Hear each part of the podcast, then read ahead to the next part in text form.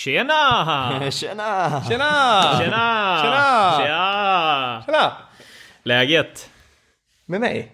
Nej, men alltså, jag vet inte ens om jag ska presentera dig som en gäst, för att du är lite mer en del av podden. Som en återkommande filur. Konspirationskarl. Karl. Jag är väl lite som den här vinterkräksjukan. Man Nej. vet Man vet att jag kommer. Du får ju hylla dig själv lite. Kanske. En fråga, är det när du spelade på SGT? Är det sant att alla dina medspelare eller motspelare kallar dig för Oddvard? Många. Oddvard. Oddvard. Är det bara för att du är odd, alltså märklig? Det, det kan det vara. Eller var kom det ifrån? Det har jag faktiskt ingen aning om. Jag vet inte var det kommer ifrån. Var det inte Edvard först? Och sen så Jo, vart det jo det stämmer. Ja. Ja. Jo, Edvard ja. Alltså, jag vet inte hur det kom till, hur det blev Edvard heller. Karl Edvard istället för Karl-Bertil. Ja, för det lät roligare. Ja, ja just det. Och så vart det Ågesta-språket med dig och Mackan och alla. Byter vokaler lite då. Ja, det gick inte. Det blev ju Oddvard. Och så Oddvards värld. Ja, och jag kallar dig för konspirationskalle. Ja, och Illuminati och sånt. Ja, Allt. för det är ju, du är ju inte främmande för en konspirationsteori. Nej, det är jag inte. Aliens existerar. Ja, Jag tror ju också, alltså i någon mån i alla Det är fall. klart Ja. det gör det. Ja, det lär ju finnas liv. organismer. ja. Ja, sen vad det är. ja, precis. Mm.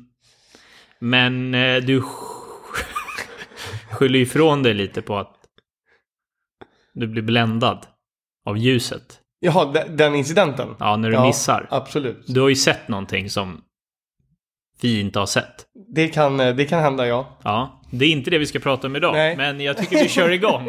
ja det gör vi. Det gör vi. Välkommen till Drömgolf.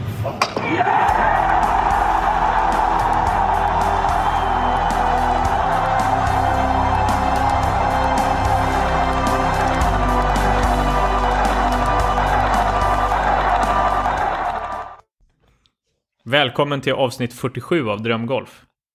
Om ni inte redan har märkt det så är det jag, Marcus Jonsson och Karl Bertil Oddvard Konspirationskalle Eklund i studion idag. Välkomna. Välkomna. Välkomna. Ja. Tack. Tack. Tack. Tack. Tänkte, när vi spelar golf, Kalle, vilket vi gör väldigt, väldigt, väldigt ofta och har gjort mycket i år, så kan man ju då göra, vi säger tre birdies på de första sex hålen och ligga tre under par. Och så kommer man till sjuan på Ågesta. Som är lite... Den är lite risk-reward, kan man ju absolut säga, eller hur? Absolut. Det är alltså en eh, parfemma som är 435 meter. Något åt det hållet. Ja. Ja. Så att eh, slår du en drive då, då har du mer eller mindre typ en järnåtta kvar. Ja. Wedge till och med nästan. Ja, beroende på hur vinden och Ja. hur hårt det är i Så hur mycket backen. löd man har så är det är- Men procentuellt så är det ju liksom... Hur ofta är du i spel när du slår en drive skulle du säga? På sjuan. Ja. Eh, Kanske sällskapsrunda 7 av 10. Och tävlingsrunda då är det kanske en av 10. Ja.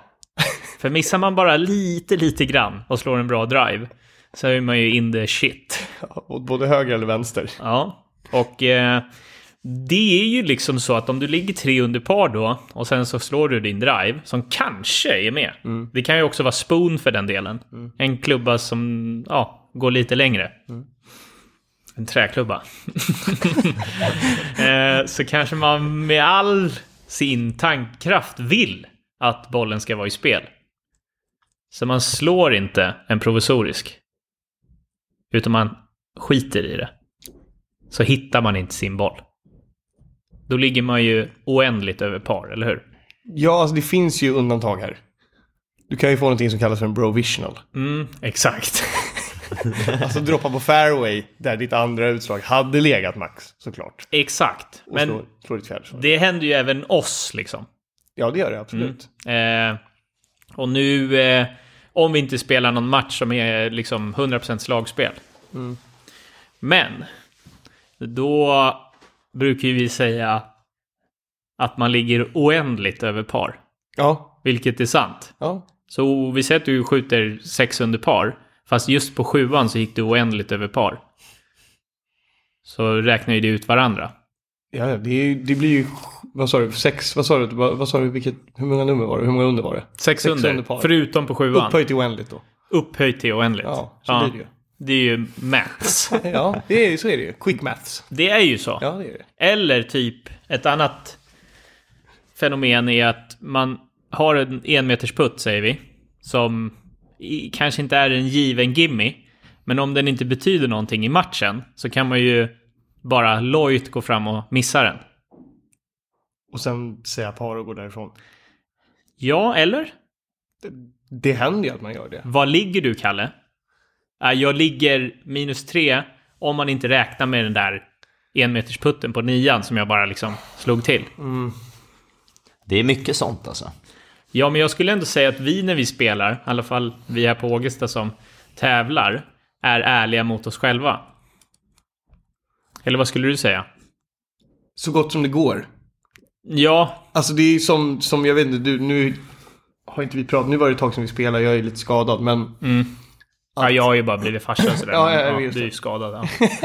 Samma sak. Nej men, Tappad. eh, exakt. Nej men, vad fan, vad var det jag skulle säga? Att, eh, att ibland när det går väldigt dåligt, alltså går det väldigt dåligt ut på banan, då kan det vara bra att, eh, att ge sig själv en liten knuff i ryggen i rätt riktning kanske. Ja, men säga till en själv att ja, men jag är bättre än så här. Det borde varit ett par. Mm. Om det inte gäller någonting, det vill säga. ja, Som, som du sa, det spelar ingen roll för matchen eller så. Det kan ju vara en liten sån confidence booster ändå på något sätt. Att känna att man, man bara tar upp putten och går. Så Ja. säger man ett par. Istället för en dubbel. det händer ju. Det händer. Mm. Men det är ju mer junior juniorfasoner liksom. Ja, men det händer ju även, alltså helt ärligt så händer det ju även oss. Det gör det. Men då tycker jag in, att det är inom ramen av rimlighet. Ja. Eh, vi säger att man räknar på procenten. Mm. Vad skulle du säga att man är på en enmeters putt? På ett sällskapsvarv? På Ågesta? Ja. Ja, kanske. 25. kanske. Nej, men eh, vi säger 85 procent på Ågesta kanske. Så procenten är på din sida. Ja. Så det är inte, det är inom ramen av rimlighet. Ja, alltså om man tycker det är rimligt att gå fram och missa en putt. Eller om man inte slår den från en meter och ändå ger den till sig själv på något sätt. Det är ju inom ramen av rimlighet.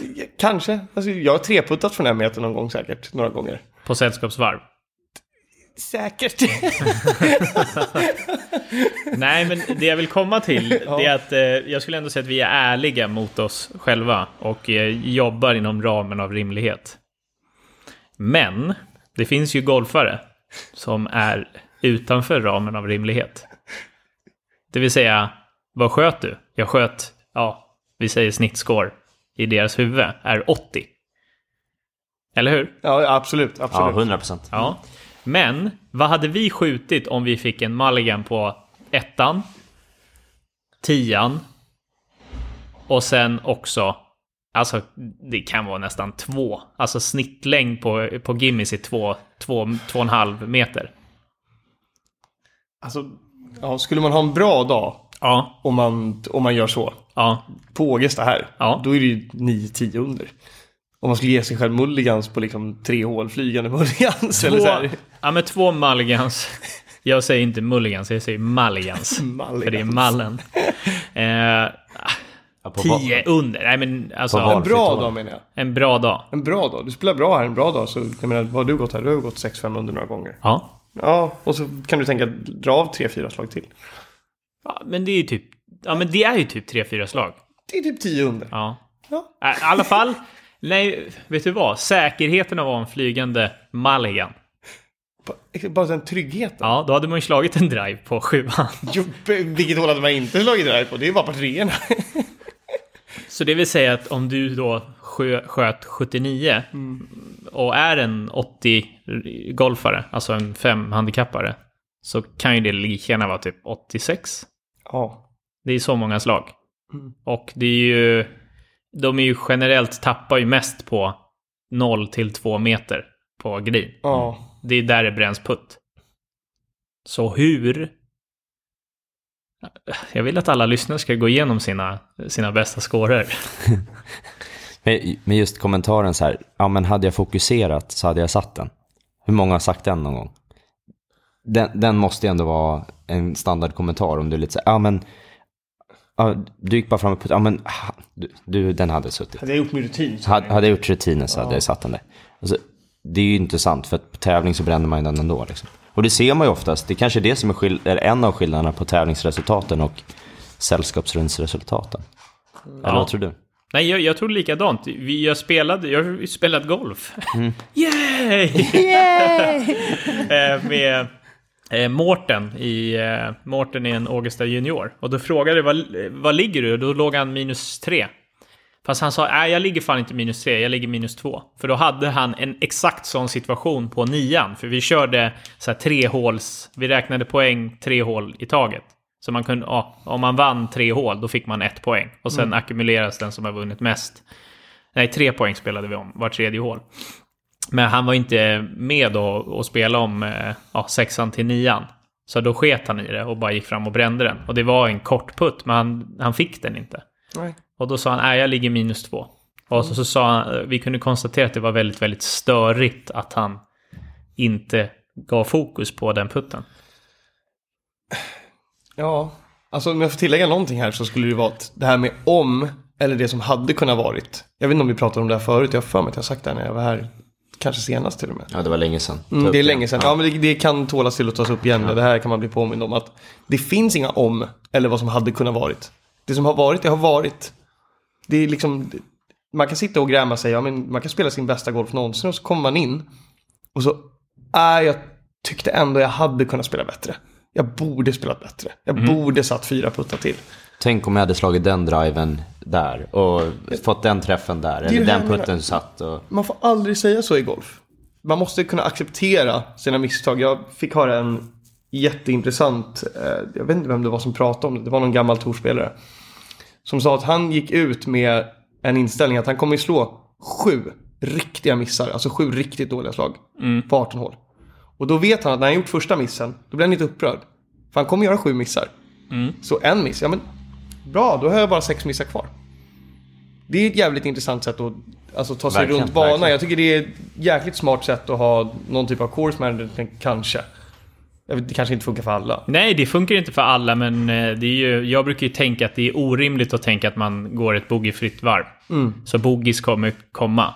Det finns ju så meditationsövningar, att man går upp på morgonen och mediterar att idag är min sista dag, jag kommer dö idag. Det är jättevanligt alltså. Att man mediterar i sin egna död. Det är ju ungefär som att tänka att ja, det är svårt att gå boogiefri. Så länge jag gör tillräckligt med, bör- med birdie så kommer jag överleva. Men jag tror att det här som du sa nu med boogies. ja. Det är ändå, då blir det ett resultatfokus. Om du släpper det resultatfokuset och bara tänker att du kommer slå sju dåliga slag. Då behöver vi inte sätta någon prägel på det, vi behöver inte sätta någon, någon liksom label på det. Det kan ju vara en boogie eller en bird eller en eagle eller en dubbel. ja. Men sju dåliga slag. Åtta då kanske när det är max. Ja men det är ju, jag har inte tänkt på det tidigare. Nej, men och sen blir det ju precis som du säger att sju dåliga slag, det, vissa hål är ju kanske en parfemma på pappret, men typ hål sju kanske i medvinden inte är en parfemma längre. Alltså det är det man måste ju, som en birdie där, ja, det är kanske det som förväntas av att man ska göra.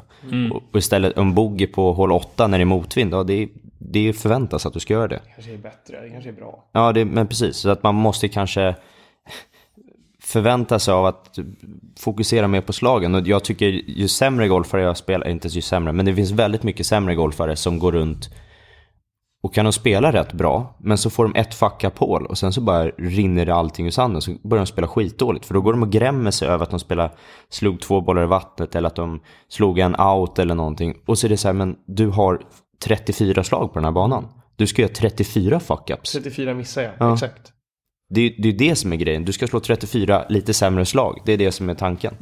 Medan vi som, vi har, kan inte göra så mycket fuck-ups, men vi vet att vi kommer göra kanske då sju riktigt bra slag också. Som kommer rädda upp de här förhoppningsvis. Ja, för då reagerar man ju inte lika starkt på sitt, sin eh, fuck-up. Nej. Men eh, det är ju sant. Men det jag vill fokusera på det är egentligen golfares mindset, mindset på hur det förädlas desto bättre man blir. Tror du verkligen det? Nej, alltså, eller ja, det, det tror jag. Det, det förädlas. Det vill säga att Utveckla. ja, men, ramen av rimlighet för en 10-handikappare är ju långt ifrån vad den är för en scratchgolfare. Eller hur? Så den här enmetersputten procentuellt är 85%. För en... Alltså En för scratch. duktig- en Ja, scratch exakt. Ja, ja. På Ågesta. Ja. Men då kanske en 2,5 meters putt för den här 10 handikapparen i deras ram av rimlighet är 85%. Det är sant ju. Ja, det är det. Det är ju så jag- de tänker. Nu förstår jag precis vart du är på väg med Ja, nu, eh, nu hänger jag med bättre. För jag har spelat golf med, ja, fem, fem handikapp är ju liksom, det, det, är, det är någonstans någon form av gyllene gräns. För där är det så att man kan spela golf med en femhandikappare som tee till green i typ nio hål spöar skiten ur dig som lägger ner ditt liv på att spela bra golf. Pricka fairway, pricka green. Pricka fairway, pricka green. Och har de någorlunda het putter så tvåputtar de det mesta och kanske gör någon treputt och någon birdie. Och ligger runt par. Och det är ju för dem drömgolf. Men det är ju för vem som helst. De prickar fairway och prickar green. Eh, och nio av nio greenträffar på nio hål. Det är ju fantastiskt. Då ska ju man ligga under par. ja. Men det är ju, och sen så har de kanske tre hål i rad där de missar green och gör bogey eller sämre. För att de inte lyckas rädda upp det. För de missar på fel ställen eller, eller liknande. Eh, och det är just den här golfaren som har en annan typ av ram av rimlighet. När de spelar bra golf, då ska de pricka 100% av fairway och 18 av 18 griner. Fattar ni vad jag menar? Ja, Ja, det ja, där 100 procent. det känner jag igen. För de registrerar inte hur bra de faktiskt spelar. Jag tror att den där, det som du säger nu, det är rätt så viktigt. Att det här med just med, vad vi ska kalla det för någonting, RAR. Kan vi säga det? Rarren. Ramen av rimlighet. Rari. Ja men just ramen av rimlighet, det är jäkligt kul att du säger det. För då skulle man ju kunna prata om så här proximity to flag. Som du säger, man skulle kunna gå igenom allt. Ja. Och om man skulle sätta sig ner och gräva lite i statistiken med någon som, om jag skulle ta upp ett exempel. Mm. Kanske, nu är det ingen som vet om vem det här är, men en kompis till mig, Ludvig. Han har väl tre, fyra handikapp, spelat länge. Och han är urusel på att putta. Ja. Men han kan ju, alltså han kan ju spela mycket bättre än vad jag gör i Green. Ja. På 18 hål till och med. Ja. Och ändå så skjuter han 85. Mm. Och jag skjuter 71. Ja. Fast han träffar typ varje fairway och varje green. Så gör han tre vilda missar. Mm. Och blir skitförbannad. Så det känner jag verkligen igen. Det, Ja, men det, är, det är ju- jätte, det är jätteintressant. Det är ett intressant Ja, fenomen. Mm. För att om jag går igenom ett varv, om jag prickar 16 av 18 griner, då har jag spelat sjukt bra tid till green. Mm. Och då kommer jag troligtvis gå under par. Om inte jag är liksom orimligt. Ramen av orimligt dålig puttare. Rau. Rauria. Nej men alltså det är ju så här, det är ju, ja prickar man typ 12-13 griner. Ja, det ska ju vara par. Helst ja. Helst Ja. liksom. Ja, och liksom 9 av 18. Ja, men då, då får man ju då får man ju bevisa touchen. Då får man kriga. Sen har man ju vissa varv där man går på par när man prickar 6 av 18 griner. Ja. Men det hade inte varit orimligt att skjuta 8 över par om man prickar 6 av 18 griner, eller hur? Nej, det hade det inte varit. Nej. Inte enligt RAR. Nej, enligt, inte enligt Raur. Men, men då, då har jag en fråga till er som tävlar och håller på. Eller ni har gjort det i alla fall, nu sista åren. Har ni en annan eh, liksom rimlighetsacceptans när ni spelar tävling mot när ni spelar sällskapsrunda? Ja. ja. Alltså det går inte att jämföra. Och vad är, det, vad är det som gör att det blir skillnad då? Därför att man typ... Alltså det är typ som att få en parkeringsbot när du slår ett dåligt slag på tävling. Mm. Fast det är inte en parkeringsbot i stan som kostar 1300 spänn. Utan den är i Huddinge kommun. Så den kostar hälften. Mm. Vad är hälften? Ja, 650 spänn. Ja, Man tar ju den boten. För att det inte är... Det skulle kunna vara 1300 spänn. ja, Men det är bara 650 spänn. Och du måste ju ta den. ja. Så att du kan ju typ bli nöjd över att den inte var på 1300 spänn. Och det är ju det här som är det svåra med att tävla i golf. Mm. Det är att tänk om man kunde tävla så som man spelar sällskapsvarv. Alltså det är ju det, är det som är det svåra att bemästra. Ja, verkligen. Och det är precis det som jag tror man är inne på, eh, som just de här femhandikapparen som går runt kanske på par flera gånger på, på sällskapsrundor och så på tävling skjuter de 85. Ja, Och sen så är de skitbesvikna för att de spelar så fruktansvärt dåligt. Ja. Men troligtvis så är det att deras alltså, acceptansnivå för vad som är liksom rimligt att de ska skjuta inte stämmer överens med deras sällskapsrunders liksom, varv. Så när de är ute och tävlar och börjar göra boogie, boogie, boogie så tycker jag att de spelar skitdåligt. För att när de spelade på veckan innan så gjorde de par, par, par på de hålen. Men, och det gör att de gräver det här hålet djupare för att de tycker att de spelar dåligt när de tävlar. Ja. Och det är frågan hur man ska komma ut ur det där. Ska man bli lika bra på tävling som man är på sällskapsrunda? Vissa är ju det. Vissa blir ju bättre på tävling än vad de är på sällskapsrundor. Ja, det är ju det som är de bästa golfarna i världen. Det är de som minskar gapet mellan sällskapsvarv och tävlingsrunder. Precis. Och i viss fall till och med gör det bättre på tävling än på sällskapsvarv. Ja. Jag hörde någon intervju med han Hank Haney som var, jag tror han heter, om jag inte uttalar hans rätt, men han som var Tiger Woods eh, tränare. När han vann de flesta majors. Alltså han, det är ju Tigers mest framgångsrika tränare om vi kallar det så. Ja. Eh, han sa ju det att Tiger Woods är den som man har sett som är sämst i hela världen på att ta sitt spel från ranchen eller träningen ut på tävling. Mm. Och, då, och då var han överlägsen. Och då förstår man hur bra han var på träning. Så att många tror att man, du kanske behöver vara så sjukt bra på träning för att du ska kunna leverera på tävling också. I vissa fall. Men t- ja, tar man liksom, jag blir betydligt mycket sämre när jag tävlar. Min lillebror som har egentligen samma uppväxt i stort sett, blir mycket bättre när han tävlar än när han spelar med mig på sällskapsrundor. Ja. Där är ju så här olika personer. Det är kanske därför han har lyckats och inte jag på, på den biten. Troligtvis. Troligtvis. det är där man måste kunna leverera lite, eller hur? Ja, men det är så individuellt det där. Alltså, alla är ju funtade olika. Ja. Alltså, men jag gillade din liknelse med p-boten. Den tyckte jag var riktigt bra. Ja, men det är ju, det är ju så för- det är. Liksom. exakt, det ja. är precis så det är. Du är helt rätt på det. Typ Alltså, om du slår första bollen out, men du kommer iväg med ett pa- par på andra Ja. bollen. Det är bara en dubbelbogey. För du skulle ju kunna gjort en trippelbogey. Kod. Ja. Ja, alltså, det är en gåva. Eller en quint. Det, ja, men det känns ju som en gåva. Det är ju som, ja men, Mm. fan precis som p-boten. 650 spänn, det bröstar mig ju. För att det är vanligt. Det var som när jag spelade Koberg. Var det Koberg? Burvik. Burvik. Då slog jag ju två bollar out i rad. På bara ett jävligt lojt beslut från T. Eh, I rad. Och det, var, det, jag, det kostade mig fyra slag bara på två hål. För jag spelar alltså jag gör ju par på andra bollen. På två rätt knixiga hål liksom. Eh, men det tar man ju, eller? Eller gör man det? Gjorde du det? Nej, det gjorde jag inte. Nej, Jävlar. du satt i podden och gnällde på. Tänk om jag inte hade slagit de två out. Alltså, Jo, I stort sett så levererar Jag, jag kan säga att den första dubben just där, då hängde jag en typ tre och en halv, fyra meters för eh, par. Eller Mm. eh, dubbelbogey. Så att det skulle kunna vara tre slag på ett hål. Mm. Men den där putten pratade du inte om. Nej. Men i stunden så är p-boten på 650 spänn. Ja, Men, ja, så, hade jag bränt den där putten så hade den ju varit på 1300 spänn. så är det. Dyrt. Ja. Men, men det, för det är precis som, ehm, just en, apropå så här, bot och sådär, vad man sitter och gnäller på. Det är att eh, jag satt i morse på, på Facebook och så var det en som hade gnällt på att de hade fått fel leverans på ett, eh, på ett café. De hade kommit dit och det var någon som hade försovit sig och det var världens grej ehm, Ja. runt det där. Eh, och då satt hon och sa, ja, jag brukar alltid få så bra service när jag kommit på det här stället. Men nu i morse så var det bla bla bla bla bla. Okej, så att alla gånger du är där och det är bra så skriver du ingenting här. Men så fort en gång de fuckar upp det för att det är någon som försover sig eller vad det nu var. Då ska du lägga ut ett Facebook-inlägg på hur dåligt det är. Ja. Och det är samma sak som golfen, att man alla gånger man slår bra slag och du kanske räddar och sätter en lång putt eller att, ja men det är, det är så här, ja men det ska jag göra. Och det, det märker man ju ännu mer på de här 5-10 handikapparna.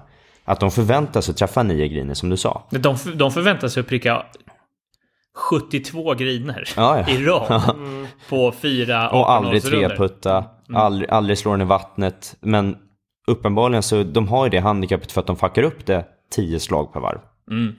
Hade du inte fuckat upp det 10 slag per varv, ja, då hade du varit scratch. Eller ännu mer kanske. Alltså, men varje gång du, jag brukar alltid, man, man brukar skämta lite om att man skänker den till golfgudarna. Man slår den i vattnet. Ja, jag slog den i vattnet, och det är en boll till golfgudarna för då kommer jag troligtvis få tillbaka det genom att jag träffar ett träd och studsar ut någon gång. Eller att jag sätter en lång putt eller chippar den i eller något sånt Ja, där. det stämmer ju. Ja. Och det, det är så det funkar. Ja, det är det. Men, men i, i stunden så blir man ju sjukt lack på, Ja, på att man har hookat ner den i vattnet. ja. Men har inte ni, ni har inga såna här, har, ni pratat någonting om som superstitions? Ja, jo, men nej, det har vi inte pratat om, men det finns ju ett par. Ni har inte pratat om det alls? Nej, men jag har ju så här, jag kan inte, det, det bästa jag vet det är ju att ha eh, på eh, ranchkortet.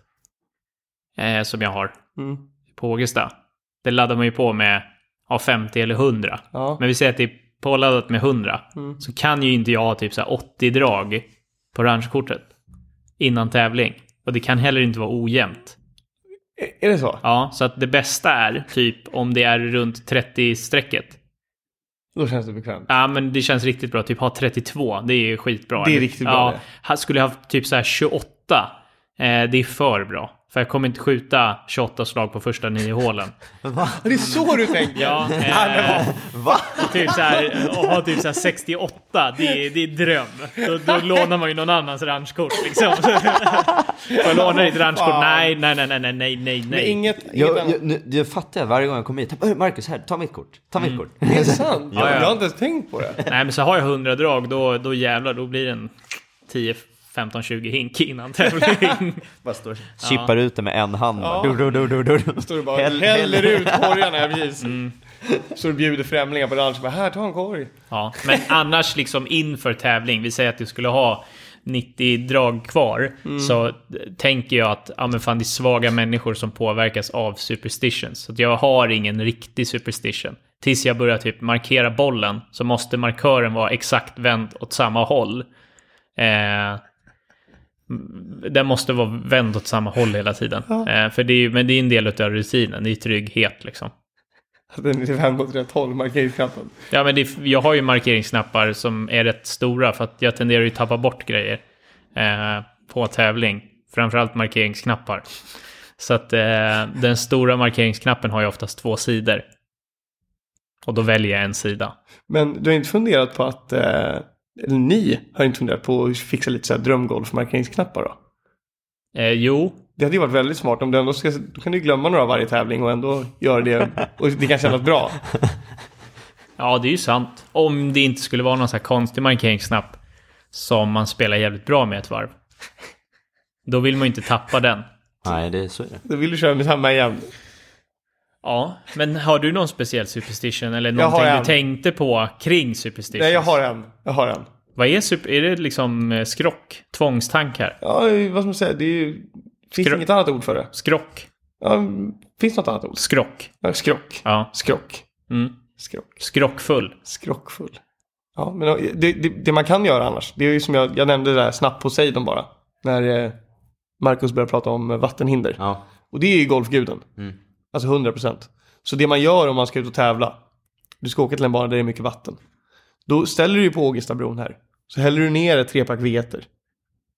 Då har du ju redan slagit bort tre bollar. Det, vadå, har ni inte kört det här någon gång när ni står på tävling? Det är out åt bägge hållen. Ja. Då föreställer man sig redan att man har skickat en boll out. Ja, ja. Gör inte ni så? Jag tar en övningssving och så tänker jag, oj jävlar vilket högersläpp liksom. Nej. Jo, det gör jag. Varje gång nästan. Det har jag liksom i bakhuvudet. Men blir, första... blir, blir du inte spänd då och försöker hålla den i banan då eller? Jo. Som fan. det är därför det är därför går så dåligt. styr! Nej men eh, Poseidon. Mm. Jag bara säger det. Det är ett tips till alla lyssnare här ute nu. Alltså testa. Det har aldrig skadat. Det har det inte. Nej, alltså åk till Ågestabron. Det behöver inte vara Ågestabron. Nej, jag tänkte just på Ågestabron, för det som droppas ner från Ågestabron är ju dina golfbollar. Ja, Och sen ett och annat mordvapen. så så här tidigt på morgonen innan en tävling på Ågesta. Eller att du åker förbi Ågestabron bara för att det är på vägen till tävlingen. Det, är, det ser inte så jävla bra ut att stå där och liksom... tre på natten Ja, och man står och häller ut bollar nere så du gör något riktigt mysko alltså. Det är ju det. Men, det kan fungera. Det kan funka. Ja. Ja. Du då. Marcus, har du någon? Nej, men jag, funder, jag funderar på det här, för jag har försökt att få sådana här grejer som, du vet, man ska ha visst, eller så här, de här kallingarna ska ha när jag spelar bra, eller eh, jag ska ha liksom eh, olika grejer som jag verkligen vill så här, ja men om jag har på mig det här då är det en trygghet, eller att jag vrider klockan tre varv innan jag slår ut, alltså det är sån här, jag har bara peggar i höger ficka, eh, alltså, men Det har aldrig gått bra. Alltså, jag, jag har aldrig riktigt fått någonting sånt där. Så att jag kan haka upp mig på det. Jag hade en gång så här, jag, jag vet när jag var junior och man spelade matchspel. Så, då gjorde vi, eh, ledde man matchen så drog man kepsen bak och fram. Så då så, såg man liksom om det gick bra eller inte. Och då blev det en sån här grej, fan nu leder jag. Och så, så gled kepsen tillbaka om man låg lika eller ner. Och då vart det så här, ja. Sen insåg jag att eh, jag såg för jävligt ut när jag hade kepsen bak och fram. så, jag, så jag klarar inte av det. Men det här är intressant, för att det finns ju skillnad på skrock och superstitions. Och någonting som är en vana. För att typ, jag tror eh, både Wayne Gretzky och eh, Sidney Crosby, som är båda två en av världens bästa hockeyspelare genom alla tider, Ja, äter exakt samma sak inför varje match. Mm. Så typ Sidney Crosby tror jag äter en peanut, pe- peanut, en peanut butter jelly sandwich Ja. innan varje match och dricker en cola. Det kan vara, men det är något åt det hållet. Det är liksom inte, det är inget nyttigt liksom. Nej. Och det gör han inför varje match. Så rutinen av att göra exakt samma sak bör ju vara samma som att ha en eh, rutin innan man slår en putt eller ett slag. För rutin är ju någonting som man rekommenderar. Mm. Gör exakt samma sak. Absolut. Vi har ju Men- pratat om när Scott Fawcett klockade Tig- alltså Prime Tigers rutin. Och den var typ nästan på hundradelen hela tiden. Exakt samma hela tiden. Och det bör ju vara sam- äh, göra, ät samma sak, använd samma markeringsknapp. Ha på sig rött på söndagen till exempel. Så att sådana där grejer som att ha kepsen bak och fram kan ju faktiskt gynna dig. Och jag vet inte om man ska kalla det för skrock eller vana. För mänskliga hjärnan gillar ju vana. Blir det inte skrock om det är så att om du inte gör så, så mår du riktigt dåligt? Alltså det är det jag tänker. Om han nu inte skulle få sin peanut butter jelly sandwich, Mm. så skulle inte han kunna spela matchen. Då är det väl mer skrock. Än om det är en, så här, en vana, det är så här, okej, jag, jag måste ha så här, men ja, fan, det, det fanns inget, eller vad vet jag.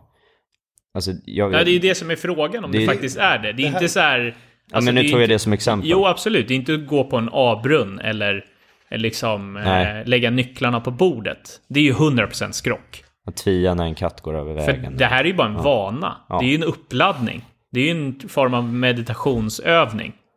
Men då, om jag skulle få lägga till någonting här nu. Ja. Om jag skulle säga vad skillnaden på skrock och på rutin är. Ja. Så skulle jag säga att rutinen har någonting som, den har någonting i sig som faktiskt är där för att förbättra det du gör. Medan skrock, det är bara att det är någonting du gör som antagligen inte gör dig bättre. Men du tror att det gör dig bättre, så det gör dig bättre. ja. Förstår du? Jag vet inte om det makes any Nej, sense, det, det, men, det är 100%. men att skrock, då är det ju någonting till exempel stå med rökelse på putten och... ja, men lite som med Parnevik, typ käka banandiet liksom, eller... Ja men exakt, Ja. något sånt. Det, det kanske inte gynnar han. Det, till exempel som han du sa, vad hette han, han som käkade peanut butter and jelly mackan innan matchen. Sydney. Ja, det, kan, det, kanske, det kanske gör han sämre faktiskt. Mm. Han får den här sockerkicken och så går det ner. Det kanske gör han till en sämre idrottare, men han tror att det gör han bättre. Ja.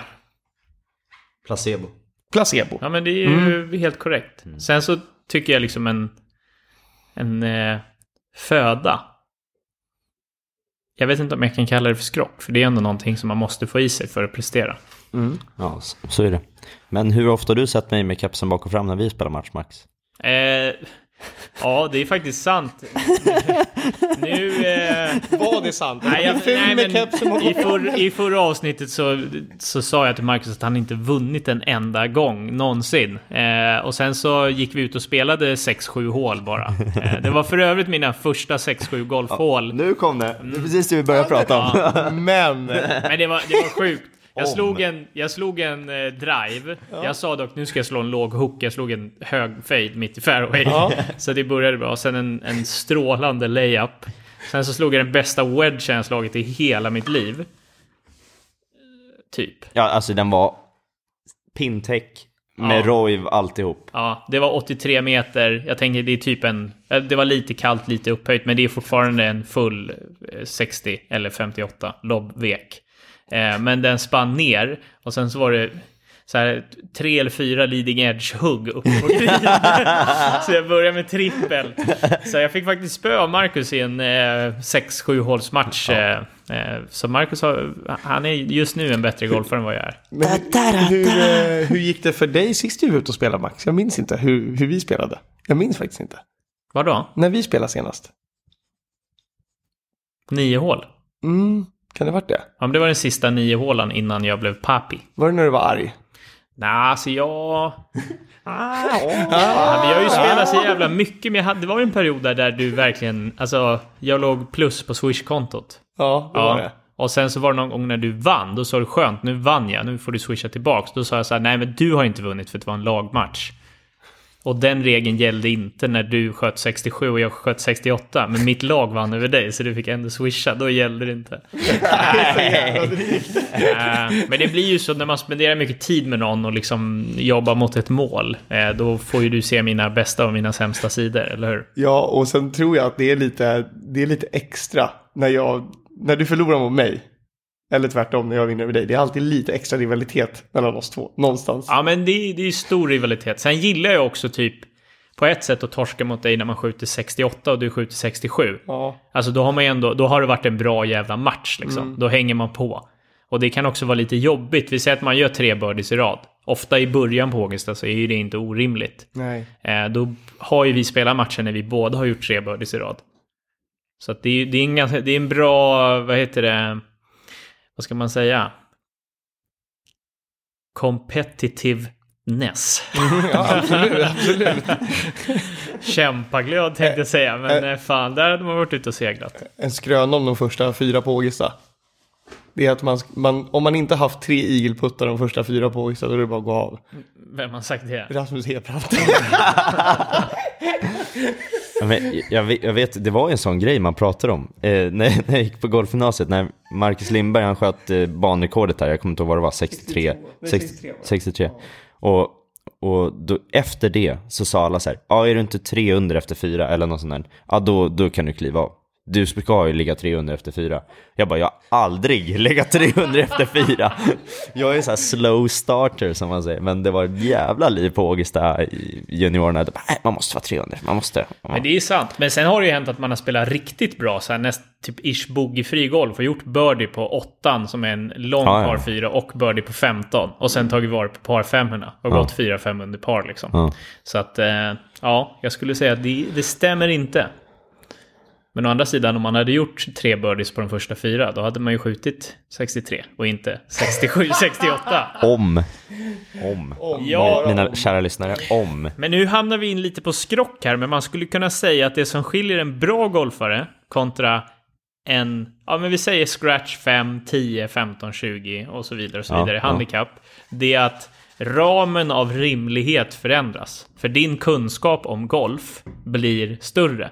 Jag tror många femhandikappare inte registrerar hur bra golf man spelar om man prickar 16 av 18 griner. Utan man bara gör det för att man förväntar det, för att man har fem i handikapp. Precis. Kan vi, kan vi vara överens om det? Ja. Rar. Och, och det är det som är ganska frustrerande som golftränare. Det är att de som är lite högre handikapp, eller runt 10 uppåt, de har sådana sjuka förväntningar på vad de ska klara av med tanke på hur lite tid de lägger på golf. Ja. Vilket blir, blir fel också när de, när de då, som du säger, vi började prata om, eh, ger sig själva puttar, eh, droppar bollen fast den gick tydligen ut i skogen så droppar man in den bara. För troligtvis deras rimlighet över att träffa fairway på sin andra drive är inte heller jättestor. Nej. Men att de ger sig den då, den här, vad kallar du provisional? Mm. Den är troligtvis mycket bättre än vad de någonsin skulle slå driven annars. Nej, nej, nej. Nej. Den andra är ju mitt i fairway. Ja, ja, det, ja, ja.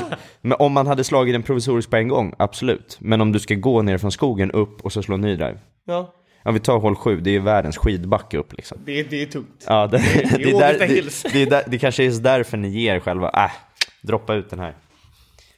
Ja, jag ger ingenting. Utan det enda man säger är ja, du- typ, Max är inte hur, hur spelar du... Eh, hur spelar du... hur spelade du Kalle? Då kan Kalle igen. Ah, men man gjorde ju sex birdies. Eh, och så brukar typ när Erik var med och spelade innan han drog till USA, då kunde man ju alltid bara, ah men du gick faktiskt så oändligt över par, så det var inte så jävla bra. För det har ju hänt. Det har ju, du har ju skickat en drive way off. Det har skett. Far out, som man säger i Australien, på sjuan. det, det kan jag säga så här att eh, jag spelade faktiskt en, eh, en tävling nu på Fribergs golfklubb. Mm. För vad kan det vara nu? Två veckor sedan. En så här lagtävling, tvåmanna scramble. Eller vad det nu var. Var det Då- då du sa att du själv gick sex under par? Ja, jag gick sex under par. Men, men. Där kom det. jag faktiskt så skickade jag en boll out på 18 och då sket jag att spela klart. Så du gick inte sex under par? Alltså, Du sa till mig att du gick sex under par bogeyfri. jag gjorde inga bogeys. Nej, men det är det här jag menar. Ramen Han av- gjorde, han sa, han gjorde inga Jag gjorde inga bogeys. Jag, jag ska inte 17 sitta här. Jag ska inte sitta här på en hög häst och säga att vi är så mycket bättre än er. Eller ni som har fem handikapp ska inte sitta på er höga ponny och säga att ni är så mycket högre. Nej. Fetlandsponny. men alla gör det på ett sätt. Liksom, för att man, man kan inte liksom varenda gång hela tiden. Vad Eller ärlig jag vet inte. Alltså, man mår ju som bäst när ramen av rimlighet inte är någonting man pratar om. Definitivt. Men det är ju sällan, när vi, i alla fall när man spelar Ågesta, för att då är det ju tävling hela tiden. Mm. Det var sällan jag spelade ett varv på Ågesta som jag inte tävlade mot någon annan på. Och, eller bettade pengar. Så då blir det ju att man... Det är ju som att tävla vilken tävling som helst. Man ger ju ingenting till sin motspelare. Nej. Så att, eh, ja. Tävling tar bort ramen av rimlighet. Ska vi, jag tänkte på det. Jag, så nu, nu har vi pratat lite om det här. Mm. Tänkte om vi skulle gå vidare till något annat. Ja, det kan vi göra. eh, ja, vad vill du prata om? Nej, men jag tänkte bara en liten recap över, eh, över helgens tävlande. Gör ni inte sånt? Ibland. Eh, jo, vi ska ju Du- prata om en, Du vill en prata om grej. PGA-touren nu va? Lite faktiskt. Ja, jag Ja, förstår känner det. Ja, det men sista var, hålet. För det var, väldigt, det var väldigt kul. Ja, jag har faktiskt inte sett, så Ja, jag satt också och kollade på det. Ja, jag, men jag satt inte och kollade, jag, jag kollade bara highlights och lite så här summering efteråt. Men eh, jäklar alltså, Homa. Och så Willet. Alltså Willet. treputtade han eller? Ja, men från typ två meter alltså. Nej, det var inte ens två. Nej, vad, vad kan det ha varit mindre? Nej, det, den var inom ramen av rimlighet kan jag säga. Det var rarr. Ja, men men det, är, det är en par femma sista hålet. ehm, på, jag kommer inte ihåg vad banan heter bara. Det, Fonti, ja, du vet. Fontenay Ja, Championship. Ja, Championship. Fortinet. For- Fortinet. Ja, Fortinet. Ja. Ja, och Det är det, ju ett företag tror jag. ja men det är det. Och de spelade, eh, Danny Willett leder med ett. Mac, Maxoma, alltså det är han som ligger efter, de spelar samma boll. Maxoma slår ner andra slaget i bunkern. Duffar upp bunkerslaget precis kort om green. Danny Willett ligger på tre på green och har en, en, en och en halv meter för birdie. Liksom, det är klart. Maxoma hålar sin chip så jävla hårt i flaggan. Ja, det- men den har jag ju sett. Det Den, är, ja, om ni inte har sett den så har ni missat något. Den är så jävla fet. Bara boom! Smäller i den och han blir glad så här men ganska lugn samlad. Han är en bra kille liksom. Går upp och ställer sig och så Danny Willett tar liksom, ja, sätter han den så vinner han. Ja. Koppsnurr. Och så, okej, då måste han sätta nästa putt för att gå till särspel. Och den putten var typ tre fot längre än den första putten. Och exakt samma putt. Pullar den lite hålkant och gör en treputt. Va, vad hade du gjort i with Danny Willets situation? Alltså jag vet inte, som spelare hade det nog varit eh, riktigt tungt. Som caddy. Då hade man nog stått där riktigt, alltså då hade man nog kokat över och slått spelaren tror jag.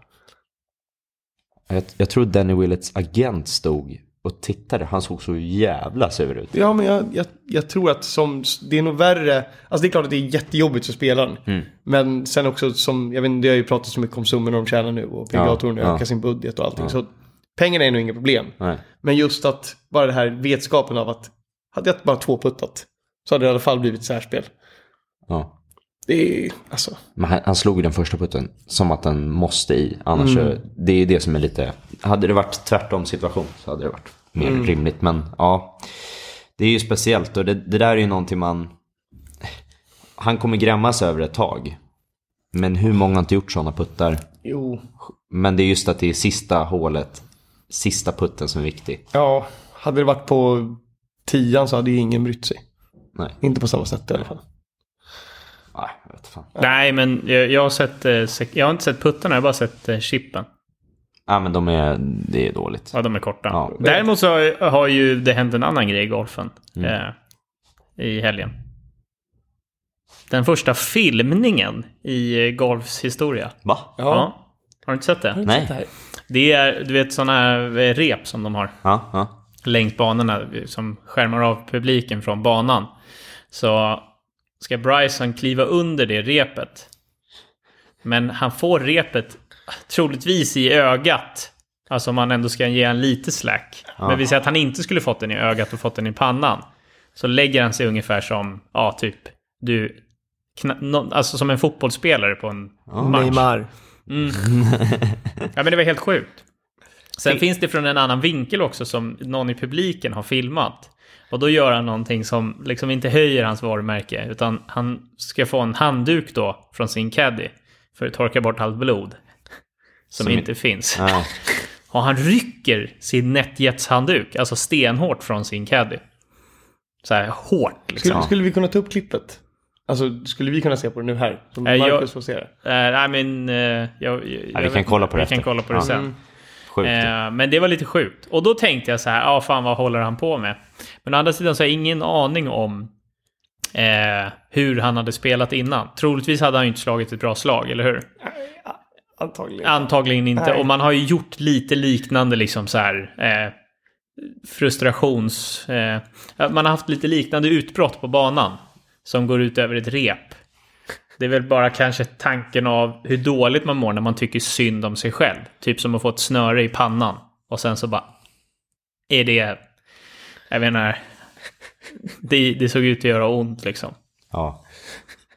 Men han är inte så hård som alla tror kanske. Nej, Det är ingen som tror, men jag tänker om man ska vara liksom en långslående biff. Då ska man ju kunna brösta en, ett rep i huvudet. Ja, men även om den tog i Snöre ögat i så huvudet. får man väl, man får väl reagera på ett vettigt sätt liksom. Ja. Men samtidigt, det, det är som sagt, man har ju spelat riktigt dåligt och har dåligt blodsocker kanske, eller vad fan vet jag, just då. Och då brinner man av lite grann.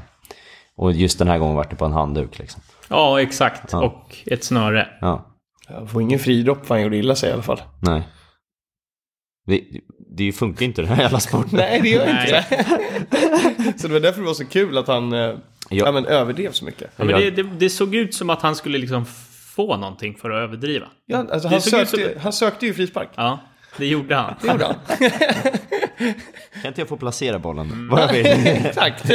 Fan, det är ont. fint. Jag borde få vinna. Det finns ju ett annat klipp också, jag kommer inte ihåg vilken tävling det var nu, men Tiger blir alltså kapad av en kille som kommer springandes och glider på hans fot. Har ni sett det? Nej. Nej. Eh, nej, men det, det är en mer rimlig typ att han kollar så att han inte har brutit benet liksom. Eh, alltså det kommer någon sån här uh, marshal. alltså inte en golf-marshal utan en sån här sheriff typ, tror jag det. Sant. Bara kommer glidandes på gräset och bara kapar han liksom. En, en glidtackling. En. Ska jag leta upp det. Nej men eh, lite händelser. Vi ska ju prata om ett annat kärt ämne idag faktiskt. Och det är nämligen, vi ska börja ranka golfrestauranger i podden. Ja. Mm. För majoriteten av golfklubbar man spelar på har ju en golfrestaurang. Inte sant? Ja, ja, absolut, absolut. Mm. Va, vad, vad ska vi ranka dem på då? Ja, men det beror ju på för att man kan ju vara en gourmand eller en Ja. gourmet. Vet ni skillnaden på det? En, eh, nej. Nej, det är klart ni inte vet. Ni är Nej. ju obildade nej. idioter. Och sen har du killgissat säkert ihop det här på något sätt. Nej, absolut inte. Vad tror ni bara... Eh, Pit, Pitum och... vi börjar med Marcus. Vad tror du en gourmand är för någonting? Ehm, en gourmand är väl den som uppskattar eh, smakerna och liksom allting. eh, Alltså själva rätten på ett annat sätt. Medan en gourmet kanske käkar mer. Jag vet inte. Okej, vad tror du? Tvärtom. Jag tänker säga, tänker säga något riktigt dumt. Nej, jag, alltså, jag känner mig helt urblåst här alltså. Ja. Jag är... Mer Jag står, jag står handfallen här. Ja, men det är okej, för Marcus är helt rätt på eh, bollen. Bara att han är lite sned för att det är åt andra hållet. Så gourmet är någon som äter långsamt och uppskattar Ah. smakerna. Och gourmanden, han, han ja, givetvis uppskattar smaker och upplevelser, men det är, det är mängden som... Okej. Ja men det var, det var, jag är lite inne på rätt spår. Ja, vad skulle ni säga att ni är i spektrat gourmet och gourmand? Jag är mycket mer gourmet. Mm. Jag äter långsamt, njuter av maten. Ja, Ja. så portionsstorleken bryr sig... bryr- Ja, men jag äter inte speciellt mycket heller. Nej, Men, Utav... men jag tror jag är lite, vi pratade lite snabbt innan, så jag vet ju var du är på väg. Ibland blir det för lite mat. Mm. Men det är inte viktigt för mig om det är mycket mat eller inte, utan det är viktigt att det är gott. Liksom. Så att, och jag blir nöjd. Liksom. Mm. Kalle då? Ja, jag, jag kan inte äta snabbt. Så det är, det är ett problem jag har. Ja. Jag äter otroligt långsamt. Jag får alltid klagomål, jag är alltid färdig sist. Ja. Och så skulle jag vilja säga att jag är lite av en finsmakare, men jag är inte någon expert på något sätt. Nej, alltså man skulle ju kunna utöka spektrat lite mer. För att gourmand är väl någorlunda en finsmakare. Jag skulle inte kalla mig för en gourmand, jag skulle nog mer kalla mig för en gris. Ja, det, det var precis det jag ja, tänkte säga. För att äta för mig är en uppgift och det ska vara så mycket som möjligt och det ska ha e- den bästa effekten. Det vill säga att eh, jag kan äta vad som helst för att uppnå ett mål. Så att om jag ska börja äta nyttigt, det, det smakar inte gött hörni grabbar. Det ska bara ha en effekt. Men eh, är det jag och Marcus då som gör de här eh, reviewsen om golfrestaurangerna? Nej, för att... Eh, Eller, är eller, eller är bara på storleksportioner som kommer in? Vi ska ju inte prata om... Vi ska inte vara, vi ska inte, det ska inte vara en riktig liksom, matrecension. För att vi ska inte prata om fräschör som är ett överanvänt ord inom matlagning. Och sälta etc. Nej. Eh, utan vi ska ranka det bara på vad vi tycker. Och hur det känns. Och någonting som är extremt viktigt för mig är portionsstorlekar. För att när man äter en lunch på en golfrestaurang så är det ju troligtvis för att man ska göra en aktivitet, eller hur? Ja, absolut. Och då kan man ju inte få en barnportion. Nej. För då kommer man behöva gå och köpa en barbell för 75 kronor som efterrätt. eh, För att väga upp liksom den, den dåliga eh, portionsstorleken. Och Precis. det här är ju lite roligt för att vi är ju ändå realister i Drömgolfpodd. Det skulle ju, ja, någorlunda realistiska. Mm, mm. Eh, och vi vet ju om, alla vi tre, att eh, driver man en golfrestaurang så är inte det den bästa affären. Eh, eller bästa företaget att driva i Sverige. Nej, För vi är helt enkelt för snåla i Sverige. verkligen. Det är alldeles för mycket egna leverpastejsmackor som petas ner i golfbägarna och eh, termos med kaffe. För man vägrar att lägga lite pengar på golfklubben som man betalar 7000 kronor per år för och förväntar sig att det ska vara Spanien-klass på eh, konditionen. Ja, ja, men det är precis. Och medan när du är på Spanien, i Spanien med Spanienklass, ja, då räknar man nästan med att man ska käka det varje dag också. Ja, och ta några pivo och Ja, liksom... ja. Ja, en Ja, men det är, och det så tycker man att det är så dyrt på golfklubbarna, men man tänker på vad du betalar för att få spela där. Det är ju väldigt lite mot vad du skulle kunna göra. Mm, men det, det, det skiter vi Vi ska sparka på de som ligger. Alla krögare inom svensk golf ska få åka på den. Ja, Så att vi kan ju börja med en lunch som vi håller kärt. Eh, och det är nämligen Ågesta ja Golfkrog and Country Club. de kan sina And portionsstorlekar. also indoor simulations on the winter time. Ja, det är våra, det där vi har tränat nu. Ja, men Ehm. om man skulle då ranka, nu blir vi lite partiska för att vi känner ju allt från ägaren till liksom eh, ja, alla som jobbar i restaurangen på den restaurangen. Det vill säga att man kanske kan via det manipulera portionsstorlek. Eller? ja. Mm. Du kan ju alltid gå och be om lite till. Exakt. Men det är för att vi är trevliga mot dem. Kanske. Ja, så portionsstorlek på Augusta Golfkrog, en country club, 10 av 10 för mig. Ja, det måste ju vara det eftersom du kan välja hur mycket du vill käka. Ja, Kalle? Ska jag också ranka då portionsstorlek? Eller jag, jag tänker ju mer på själva Ja, upplevelsen. det är ju en del utav betygssystemet för att eh, Okej. vi ska inte, det är ingen vanlig matrecension. Det är ju drömgolfs. Okej, det här, är, det här, men det här är ändå steg ett. Ja. Ja, men portionsstorleken får ju 10 av 10. Absolut. Bästa portionsstorleken är i Stockholm i alla fall. Ja. Ja, om jag skulle klanka på en klubb då, får man göra det? ja, i, efter recensionen av den här krogen. För vi börjar ju ändå Ja, med det, en precis. som vi håller kärt. Ja. Eh, om man tänker då på, på eh, luncher, alltså dagens lunch. Så det är ju en term som då är liksom, ja, smaker, eh, utbud, etc. Ja. Ingår kaffe till lunchen till exempel? Ja, Finns det en bra salladsbuffé? Hur skulle Mm. ni ranka luncherna på den här golfkrogen?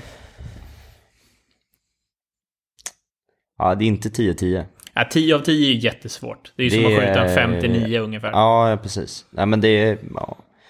Just så här, ja, men man får kaffe. Kakor får man inte va? Här. Ja, det, är en viktig, det är en viktig punkt i min värld i alla fall. Ja, det var ett tag man fick det, då var det bra. Eh, salladsbuffén tycker jag är helt okej. Ehm, utbudet varierar. Ibland är det riktigt bra, ibland inte riktigt min smak. Men de har ändå fisk, kött och vegetariskt i stort sett. Mm. Så att, eh, ja, ja, men jag ska ge en sexa, sjua där kanske. Jag är lite kritisk.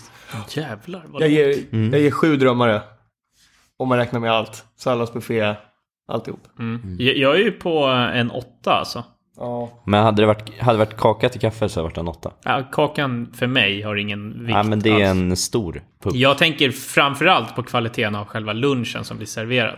Sen om den faller mig i smaken eller inte, ja, då kan det ju vara fördelaktigt att det existerar en à la carte-meny.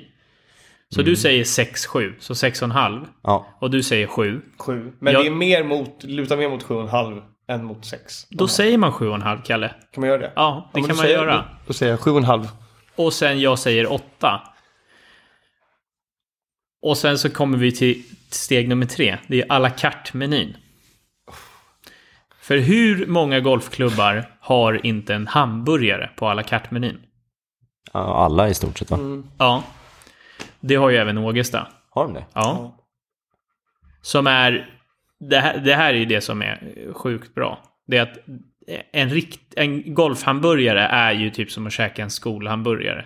Ja, i stort sett. Förutom på Ågesta. Då får du en riktig dubbel smash. Alltså en trendburgare finns här. På efterfrågan har det varit ju. Ja. Men på helgerna är den ju... Det finns kebabtallrik, hamburgare och pizza.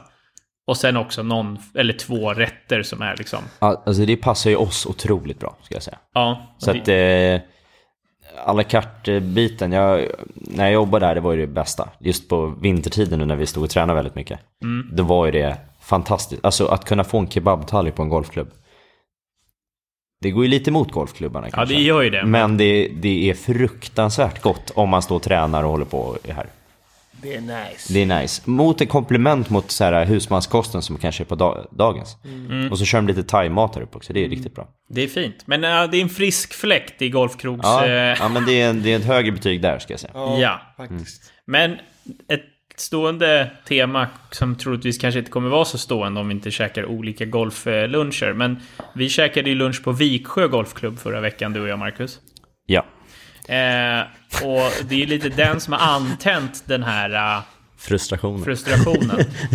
eh, för jag skulle säga att det var en etta av tio på portionsstorlek på Viksjö Golfklubb.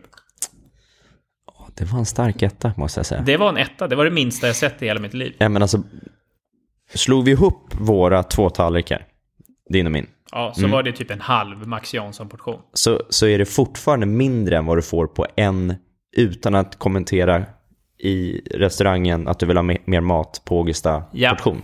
Att den var extremt liten.